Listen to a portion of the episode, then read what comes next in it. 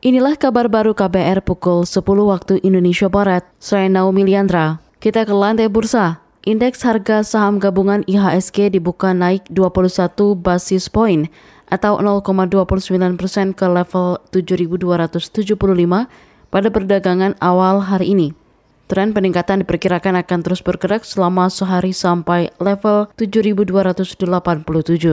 Data RTI mencatat dalam pembukaan pasar sebanyak 490-an juta lebar saham mulai diperdagangkan dengan nilai mencapai 300-an miliar rupiah dan frekuensi perdagangan baru mencapai 26.931 kali transaksi. Sementara itu sebanyak 220 saham diperdagangkan naik, 60 saham terkoreksi dan 240-an saham stagnan. Berbeda dengan IHSG, Hari ini rupiah dibuka melemah tipis di level 14.853 rupiah per dolar Amerika Serikat atau tautan 0,07 persen dari sebelumnya. Beralih ke informasi lain, Menteri Badan Usaha Milik Negara BUMN, Erick Thohir mengajak para hacker atau peretas lokal untuk membantu pemerintah melindungi data masyarakat. Ajakan ini ia sampaikan terkait maraknya peretasan belakangan ini. Ia mengatakan peretasan yang berujung pada pencurian data pribadi merupakan hal yang sangat serius bagi masyarakat dan juga merugikan.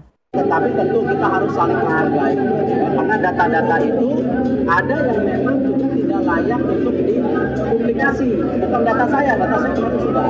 Dan saya berharap tentu tadi pemerintah bekerja sama, para hackers pun yang kebetulan merasa kurang diapresiasi, bicara juga mulai kepada pemerintah ya supaya kita daripada saling menjatuhkan bangsa kita, justru bagaimana kita justru membangun Menteri BUMN Erick Thohir mengatakan, untuk melindungi data masyarakat, pemerintah tidak bisa bergerak sendiri.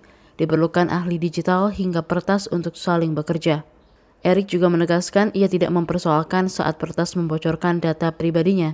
Menurut Erick, data yang keluar merupakan informasi pejabat yang bisa ditemui di internet. Namun ia lebih khawatir jika data lain milik masyarakat bocor dan disalahgunakan. Kita ke informasi lain. DPRD DKI Jakarta akan mengumumkan tiga nama calon pengganti Anies Baswedan sebagai penjabat Gubernur DKI Jakarta hari ini. Ketua DPRD DKI Jakarta, Prasetyo Edi, mengatakan tiga nama ini dipilih berdasarkan suara terbanyak yang nantinya akan diserahkan kepada Kementerian Dalam Negeri untuk mengikuti seleksi selanjutnya. Dua. Ya jadi 42 42 suara. Ntar kita voting siapa namanya yang terbanyak di antara nama yang besok tertera gitu. Voting ya, ya kan ditaruh amplop masing-masing. Kita kan nggak nggak mengintervensi semua fraksi. Silakan fraksi menentukan siapa nama-nama yang layak untuk mimpin Jakarta. Nah kita bisa lihat. Ya nantilah ya. Oke. Okay? Ketua DPRD DKI Prasetyo Edi menambahkan, sebelum menentukan tiga nama calon, PJ Gubernur DPRD akan menggelar rapat pimpinan gabungan. Ada sembilan fraksi di DPRD DKI di mana setiap fraksi menyodorkan tiga nama calon, yang berarti terdapat 27 nama calon yang akan dibahas dan dikerucutkan menjadi tiga nama unggulan.